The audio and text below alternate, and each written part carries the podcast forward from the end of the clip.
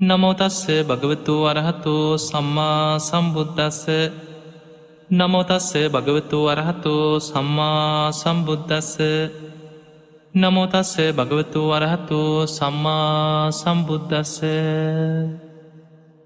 හැම දෙනාටම තෙරුවන් සන්න ප්‍රාර්ථනා කරමින් අදත් ධර්ම දේශනාව තුළින් ඔබේ ජීවිතයට ඉතාම වැදගත් බුදුරජාණන් වහන්සේගේ ධර්මය තුළ සඳහන් වෙන බොහොම ලස්සන ධර්ම කරුණු රැසක් තමයි අද දවසෙත් අපේ ධර්මානු ශාසනාව තුළින් සාකච්ඡා කර. පිංහතුනේ බුදුරජාණන් වහන්සේගේ ධර්මය තුළින් අපි මේ ජීවත්වෙන මේ පරිසරය අපි මේ ඉන්න මහා බඩ්ඩ කල්පේ හතරවෙනි අන්තක් කල්පේ මිනිස්සුන්ගේ ආවිෂ පිරිහිලා පිරිහිලා අවුරුදු සීයනුත් පල්ලෙහාට පිරිහිච්ච තැනක. අපි මේ ඉන්න පරිසරය මේ ඉන්න කාල වකවානුව ධර්මය තුළින් අපි විමසල ගත්තහම මනුස්සලෝකෙ තියෙන අමාරුම කාල පරිච්චේදයක් අපි මේ ගෙවාගෙනයන්. පෙංහතුනි අංගුත්තර නිකායි සඳහන් වෙනවා මහා සාල කියල සූත්‍රය. අංගුත්තර නිකායි තික නිපාතේ මේ මහා සාල සූත්‍රයේ සඳහන් වෙනවා මිනිස්සුන්ගේ ආවිෂ පිරිහිලා පිරිහිලා අවුරුදු සීයෙන් පහලට පිරිහෙනකොට. අධර්මරාගේ විෂමලෝභය මිත්‍යහා ධර්මය බලවත්වෙනවා. පිංහතුනී දීර්ග ආවිෂක ඉඳං මිනිස්සුන්ගේ ආවිෂ ටික ටික ටික ටික පිරිහෙන්නෙම අකුසල් බලවත්වීම තුළමයි. මිනිස්සු අකුසල් කරනකොට ඒ අකුසල් සමාජය තුළ සාමාන්‍ය දේවල් හැටියට පැතිරෙනකොට. සමාජ මිනිස්සු අකුසලේටම නැඹුරු වෙච්ච ජීවිත ගත කරද්දි. ඒ අයගේ ආවිෂ ටික ටික පිරිහෙනවා. ශරීර ශක්තිය පිරිහෙනවා. දීගනිකායි චක්‍රවති සීහනාද සූත්‍රයේ බුදුරජාණන් වහන්සේ විස්තර කරනවා අසංකයේ ඉදක්. මේ මිනිස්සුන්ගේ ආවිශ අඩුවවී අඩුවවී යන්න හේතු වෙච්ච කාරණ. අකුසල් නිසා පරම්පරාවෙන් පරම්පරාවට ආවිෂ පිරිහිලා පිරිහිලා ටික ටික මේ ආවිශ අඩුවෙන් එකයි හොයන්න බැරි. එහෙම ආවිෂ පිරිහිලා පිරිහිලා බොහෝ කාලයක් යනකොට මිනිස්සුන්ගේ ආවිශ අවුරුදු දහයට පිරිහෙන කාලයක් එනවා. දැන් අප ඉන්නේ අවුරුදු දහස් කනං ආවිෂ තියෙන යුගයක නෙමෙයි. අපි ජීවත්වෙන්නේ මිනිස්සුන්ගේ ආවිශ අවුරුදු සීයනුත් පල්ලෙහාට පිරිහිච්ච යුගයක. ඊළඟට පෙංහතුනී ඒ මහාසාල සූත්‍රී සඳහන් වෙනවා ප්‍රධාන කාරණත් තුනක් මනුස්සයන්ට විපත් ගෙන දෙෙන. ඒ තමයි මිනිස්සු අධර්මරාගෙන් විෂම ලෝබයෙන් මිත්‍යහා ධර්මයෙන් යුක්ත වෙනකොට බුදුරජාණන් වහන්සේ දේශනා කරනවා දෙවියම් මිනිස්සු ගැන කලකිරෙනවා. මිනිස්සු අකුසලෙන් සත්තු වගේ විකෘති වෙන කාලේනු. රාගය අධර්ම රාගයක් එක සමාජ සම්මට ඉක්මවාගිය දෙයක්. මේ මගේ දරුවනේද මේ මගේ අම්මතාත්තනේද මගේ ගුරුවරයනේද මගේ වැඩිහිටියෙක් නේද ඒ සමාජ සම්මත නැතුව අනාගතයේ මිනිස්සු සත්තු වගේ විකෘති රාගෙන් විකෘති වෙලා යනවා. ඊළඟට විෂම ලෝභය ඒ ලෝභකම කියන එක ඉහ වහගිය එක විෂම වෙලායන. ඒ විෂම ලෝබේ තුළ පොඩි දේට සමහර වෙලාවට මහා දරුණු අපරාධවලට මිනිස්සු පෙළබෙනවා අනුන්ගේ වස්තුව තමන් සන්තක කරගන්න.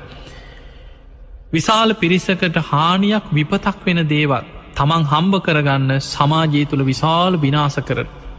අපිට පේන අද වෙනකොට විනාසවලට සමාජය ලක්වෙන. සමහර වෙලාවට ලෝකයේ බලවත් කියන රටවල් යුද්ධ ඇති කරලා යුද්ධ වපුරලා ආයුධ ටික විකුණ ගන්න. ලෝකෙ ලෙඩරෝග පතුරවා හැරලා සමාජ මිනිස්ව අතරට වසංගතරෝග ලෙඩරෝග නොයෙක් දේවල් පතුරෝල බෙහෙට්ටික විකුණ ගන්න. ඒ අතර සමහ රටවල් අතර අරබුද හදනෝ හදල ඒවට මැදිහත් වෙලා ඒව ඇතින වස්තුූ කොල්ල කනෝ. ඒ විතරක් නෙමෙයි සමහර කෘමි වුවදුරු වසංගත එවැනි වගා විනාස වෙන දේවල් පතුරලා ඒ අතර කෘමිනාසක ටික විකුණගන්න. මේ වගේ සමාජයේ විසම ලෝභයත් එක්ක විශාල විපත්ති කර මනුස්සත්වය ඉක්මවාගේ කාලයක් එනවා. ඒ වගේම මිත්‍යා ධර්මය බලවත්වෙනවා. මිත්‍යා දෘෂ්ටිය වගේම මිනිස්සු අසද්ධර්මී යෙදිලා සත්තු වගේ බුදුරජාණන් වහන්සේ මෙතන මිත්‍යා ධර්මී පෙන්න්න විස්තර කරන තැන කාන්තාව කාන්තාවන්ට ඇදිලෑනවා රාගේ. පිරිමි පිරිමි එක් රාගෙන් ඇදිල් මේක විකෘතියක් මේක ප්‍රකෘතියන මේක විකෘතිය. මෙන්න මේ විකෘතිය සමාජය අනාගත එන්නන්න බලවත්තෙන. මෙහෙම මිනිස්සු විකෘති රාගෙන් විකෘති දවේශයෙන් මෝහෙන් යුක්ත වෙනකොට මනුස්සලෝකෙට දෙවියන්ගේ පිහිට රැකවර අහිමි වෙන. දෙවියන් මනුස්්‍යයන් ගැන කලකිරිලා මනුස්්‍යයන්ගෙන් දෙවියන් ඇත්තෙනවා. ඔබාද හොඳට බලන්න ඔබ බුද්ධ දේශනාවල අහල ඇති බොහෝ දෙවිවරු මිනිස්සුන්ට උදව්පකාර කරපු සිදුවේ. ජාතක පොත් වහන්සේ ගත්තත් ත්‍රිපිටකේ තියෙන දේශනා ගත්තත් සංයුත්ත නිකායි දේවතා සංයුක්තයේ දේවපුත්ත සංයුක්තේ මේ දේශනා ගත්තත් දෙවිවරු බුදුරජාණන් වහන්සේ මුණ ගැහෙන්න විතරක් නෙමේ මහරහත්තන් වහන්සේලා ඉදිරී පෙනී හිටපු සිදුවේ. ඊළඟට බාහිය දාරුචේරිය වැරදි දෘෂ්ටියක් ගත්ත වෙලාවේ පෙර සංසාරික කල්්‍යයාන මිත්‍රයෙක් බ්‍රහ්ම දේවතාව පෙනී හිටිය. ඒ දේවතාව පෙනීඉදල මඟ පෙන්නවා. බාහිය ඔබ බුදු කෙනෙක් නෙමේ ඔබ රහතෙක් නෙමෙයි. අන්න ලෝතුරා බුදුරජාණන් වහන්සේ වැඩ ඉන්නවා සැවැත්නුවර ඔබ උන්වහන්සේ හොයාගෙන යන්න කල්්‍යයාන මිත්‍ර දෙවිවරු පිහිට වුණා. ඒ විතරක් නෙමේ කෝකාලික භික්‍ෂුව සැරියුත් මුගලන් දෙනමට වෛර බැඳලත් දවේශයෙන් වෛරෙන් තමන් අපායට යන්න අකුසල් බලවත් වෙච්ච වෙලාවෙත් දේවතාවෙක් පෙනීන්නවා කෝකාලිකට කරුණු කියලා සැරියුත්ම ගලන් දෙනමගෙන් සමාව ගන්නක. එතකොට අපිට පේනවා මේ වගේ බොහෝ දේශන දිහා ගත්තහම් දෙවිවරු මිනිස්සුන්ට උදව්ප කාරකරපු සිදුවීම. දෙවියම් පෙනී හිදපු සිදුවීම් ගුණධර්ම රකින බොහෝ පිරිසකට දෙවියම් පේන්න පෙනී හිටපු දිවිය සුරූපයෙන් පෙනී හිටපු සිදුවීම් දේශනාවල තියෙන හැබැයි අදා අපිට අහන්නවත්නෑ මිනිස්සුන්ගේ ආවිශ පිරිහිලා පිරිහිලා අවුරුදු සීයෙන් පහලට පිරිහෙනකොට දෙවියන්ගේ රැකවරණ මනුස්්‍යයන්ට අහිමි වෙලා අවසානයි. අද මිනිස්සුන්ට දෙවියන්ගේ රැකවරණ ලැබෙන්නේ නෑ. පිංහතුනි ඒ රැකවරණ නොලැබීමත් එක්ක විශාල් විපත්වලට මිනිස්සු ගොදුරුවෙන. මහා සාල සූට්ට පෙන්නුන එවැනි මහ විශාල විපත් කීපය. එකක් තමයි මේ ස්වභාව ධර්මයට බලපෑම් කරන දේවතාවරු මනුස්්‍යයන් ගැන කලකිරිලා ස්වභාව ධර්මයට මනුස්්‍යයන්ගේ යහපතට උදව්පකාර නොකර දෙවියන් අහක බලන. ඔබ අහල ඇති වැස්ස වලාහක දෙවිවරු. ඒ දෙවියන්ට ස්වභාවිකව ඇතිවන වැස්සට ඉරදියෙන් බලපෑම් කරන්න පුළුවන්. දැන් ඔබට හිත එන වහින දෙවියන් නිසාතිකල් දෙවියන් නිසා වහින වන්නෙමේ. ඔබ ඉගෙන ගත්ත දෙයක් ඇති වැසි චක්‍රය කියල ඔබ පාසැල් යනකොට ඉස්කෝල යන කාල ඉගෙන ගන්න කාලි ඉගෙන ගත්ත දෙයක් ඇති.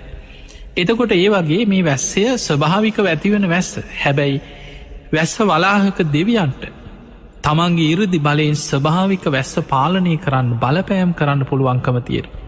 මනුස්සයන්ගේ යහපතට ඒ වැස්ස පාලනය කරනවා. ඒ විතරක් නෙමෙයි වැහැල වැහැල වැහැල විශාල විනාසයක් වෙනවන. වැස්ස වලාහක දෙවියවරු ඒ වැස්ස පාලනය කළ මිනිස්සුඟ බේරගන්න. නමුත් දෙවියන්ගේ රැකවරන අහිමි වෙනකොට ස්වභාවික ඇතිවන විපත්වලින් මොන තරක් විනාස වනත් දෙවියන්න මේ මිනිස්සුන්ට උදව් කරන්න. අධර්මිෂ්ට දුස්සීල පෞකාර මිනිස්සුන්ට උදව් කරන්න නෑ කියන අදහස එක දෙවියන්ට විතරක්න මේ සමාජි ගුණධර්ම පුරන ඕනම කෙනෙකුට ඇතිවෙන. ඔබ බලන්න සමහර වෙලාවට මිනිස්සු දුස්සීලකං අධර්මිෂ්ටකං කරනකොට කෙනෙකුට කලකිරෙන මෙහෙම පෞකාරයන්ට ඇයි අපි උදව් කරන්න කියලා. ගුණ යහපත් කෙනෙක් හොයලා උදව්වක් කරනවා මිසක් අධර්මිෂ්ට මිනිස්සුන්ට කවුරුත් උදව් කරන්න පෙළඹෙන්නේ. ඒ නිසා දෙවියන්ගේ රැකවරන මිනිස්සුන්ට අහිමිවීම තුළ විශාල ස්භාවික විපත් ඇතිවෙනවා කියල බුදු හාන්දුර පෙනෙන.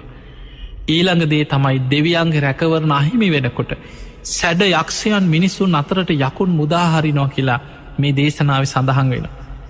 වයිශ්‍රවණ දෙවියන් තම යක්කු පාලනය කරන නායක සෙම්පති දේවතාව. දෙවියන්ගේ රැකවරන අහිමි වෙනකොට සැඩ යක්ෂයන් මිනිස්සුන් අතරට යකොම් මුදාහරින හැබැයි වෛශ්‍රවන දෙවියන්වත් මනුස්්‍යයන්ගේ යහපතට උදව් කරන්නේ. ඔබ ආටානාටී සූත්‍රය අහල ඇති ආටානාටී සූත්‍රයේ දේශනා කරන්න සතරවරන් දෙවියන් අතර මුල්ලුනේ වෛශ්‍රවන දෙවියන්.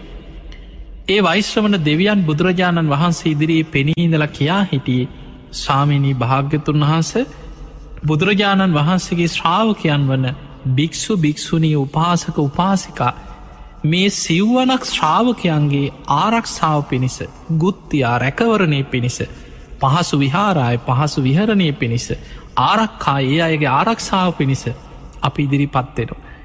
සාමිනී භාග්‍යතුන් වහස බුදුහාන්දුරන්ගේ ශ්‍රාවකයන්ට මේ අමනුස්සේගෙන් යක්ෂයගෙන් කරදරයක් හිරිහැරයක් ඇති වුණොත් අපි ඒ අයි වෙනුවෙන් ඉදිරිපත් වෙනවා කියල තමයි ඒ ආඨානාටිය දහම් පරියාය තියෙන්නේ.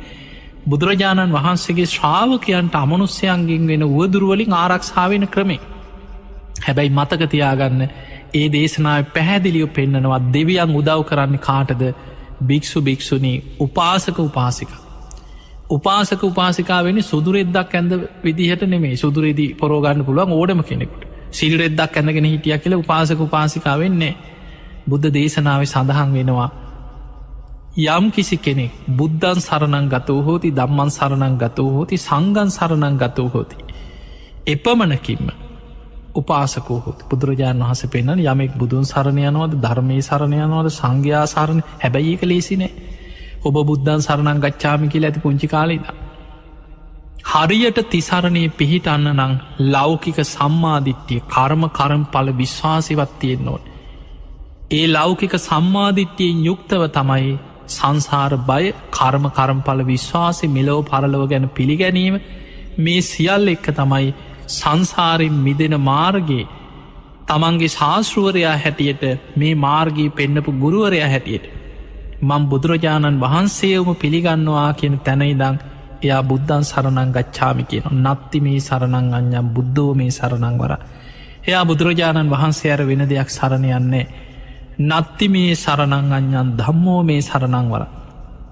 එයා ධර්මය ඇර වෙන සරණක් යන්නේ නෑ නත්ති මේ සරණං අඥන් සංගෝ මේ සරණං වන එයා ශ්‍රාවක සංඝයා ඇර වෙන මිත්‍යාවල් පස්සෙදුවන්නේ නෑ එපමණකින් උපාසකේ ඊළඟට ධර්මය සඳහන් වෙනවා කොපමණකින්ද සීලවන්ත උපාසකෙක් වෙන් උපාසකව ඉන්න පුළන් දුස්සීල.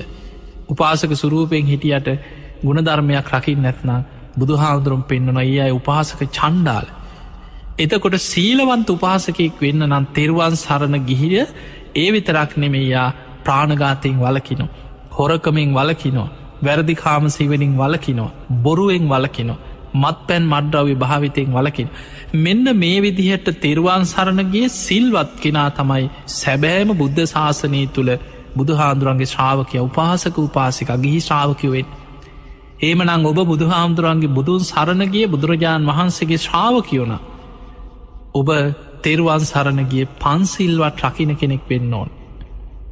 අන්නයාට තමයි බුද්ධ ශාසනයේ රැකවරණය ලැබෙන් දෙවියන්ගේ හරි පිහිට ආරක්ෂාව ලැබෙන් එතකොට වෛශ්‍රවන දෙවියන් බුදුරජාණන් වහන්සේ ඉදිරී විස්තර කරන්න සාමීනී ඒ බුදුරජාණන් වහන්සගේ ශ්‍රාවක වෙච්ච භික්ෂු භික්ෂුණී උපාසක උපාසිකාවන්ගේ ආරක්ෂාව වෙනුවෙන් අපි ඉදිරි පත්වෙලා උදව් කරනවා කියලතමයි ආඨානාටී දේශනා විස්තරවෙන්. හැබැයි මිනිස්සු අකුසල් කරනකොට අධර්මිෂ්ට වෙනකොට අර අධර්මරාගේ විෂමලෝබය මිත්‍යා ධර්මය බලවත් වෙනකොට දෙවියම් මිනිස්සුන්ගෙන් ඇත්තෙනවා. සතරවරන් දෙවියන්වත් මනුස්සයන්ට පිහිට වෙන නෑ.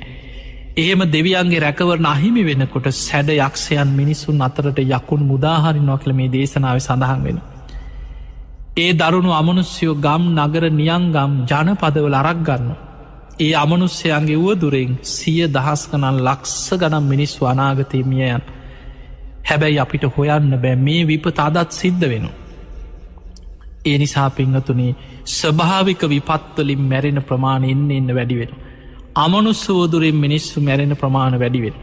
බුදුරජාණන් වහන්සේ මහාසාලකින බමුණට පෙන්න්නනා බ්‍රාක්්මණි ඔය විතරක් නෙමේ දෙවියන්ගේ රැකවරණය අහිමි වෙනකොට සැඩ යක්ෂයන් මිනිස්සුන් අතරට යකුන් මුදාහරිනකොට මිනිස්සු දවේශයෙන් වෛරයෙන් කේන්තියේ අනාගතයේ අකුසල බලවත්වෙච්ච වෛරයෙන් කේන්තියෙන් ජීවත්වෙන මිනිස්සු වැඩි මොකද අපි මේ නන්තක් කල්පය අවසන් වෙන්නේ සත්ත අන්තක් කල්ප විනාසයක්.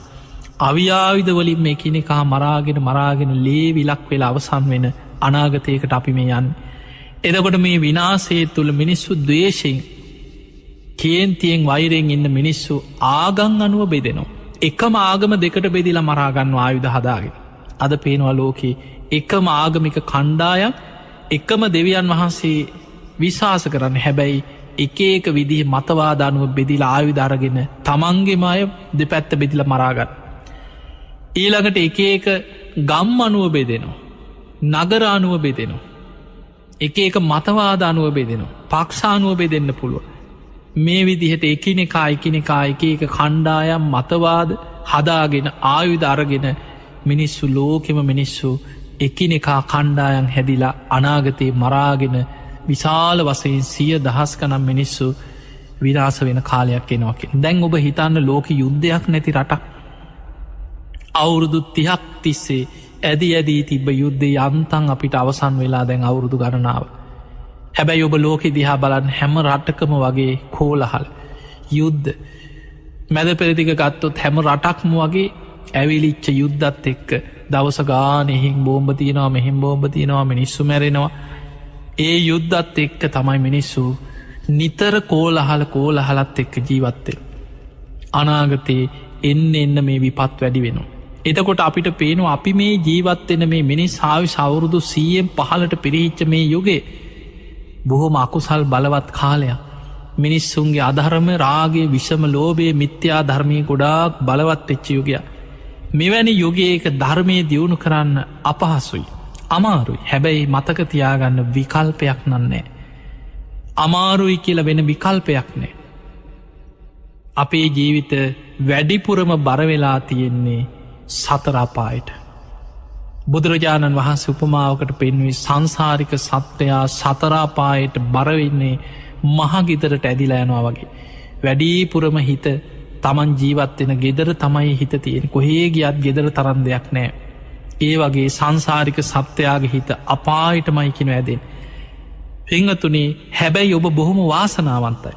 මෙවැනි යුගේක කෙලෙස් බලවත් යුගයක වුණත් ඔබ බොහොම වාසනාවන්තයි ධර්මය ඇහෙන කාලෙක. ධර්මය ඇහෙන රටක. ඔබ බලන්න ලෝකෙ කෝටි හත්සීයකට එහා මිනිස්වද ජීවත්තෙන් මේ අතරින් බණපදයක් අහන්න ලැබෙන්නේ කියෙන් කී දෙනාටද? ඉතාම සුළු පිරිසකට බණපදයක් අහන්න ලැබෙන් අඩුගානෙ බුදුගුණ ටික පිම් පව් හොඳ නරක ගැන අහන්නවත් තියෙන්නේ කියෙන් කී දෙනෙකුට ඒ අතර ඔබට මොන ප්‍රශ්න තිබුණත් ඔබට ආර්ථි මේ බණහන ඔබට ආර්ථික ප්‍රශ්න ඇති ඕන තර ගෙවල් දොරවල්වල ප්‍රශ්න ඇති ගිනි ගොඩවල් වගේ ඇති දරුවන්ගේ ප්‍රශ්න ඇති. සමහල්ලාට උයාපිහාගත් එක කන්න විදිහක් නෑ. ගෙදර ප්‍රශ්න. එදකොට මේ සියලු ප්‍රශ්න මොනවා තිබුණත් ඔබට ඔබ හිතන්න ඇයි අපිට මෙහෙම වුණේ කියලා ජීවිතය කඩාගෙන වැටෙනවට වඩා ඔබ හිතන්න ඔබට වටිනාමතේ ලැබුණ. බුදුරජාණන් වහන්සේගේ ධර්මය ලැබුණ. අපිට මොනවා නැතිවුණත් ලෝකෙ වටිනාමදේ තියෙන අන්නේ ධර්මයෙන් ප්‍රයෝජනයක් ගත්තොත් ඔබ මේ ලෝකයේ අනෙක් සියලු දෙනාට වැඩිය ඔබ පින්වන්ත කෙනෙක් බවට පත්වෙන අන්නේ නිසා මොන කරදර බාධා තිබුණත් බුදුරජාණන් වහන්සේ පෙන්වේ මහනෙනේ හිසගිනි ගත්ත කෙනෙක් ගින්න නිවන්න මහන්සීනා වගේ. ආයුදයකින් පහරක්කාප කෙනෙක් තුවාලයක් සනීප කරන්න වෙහෙසෙනවා වගේ. ධර්මය අවබෝධ කරන්න ධර්මය දියුණු කරන්න වීරිය වඩන්න කියල්. ඒ නිසා ඔබ ධර්මාවබෝධයට ලොකු උත්සාහයක් ගන්න.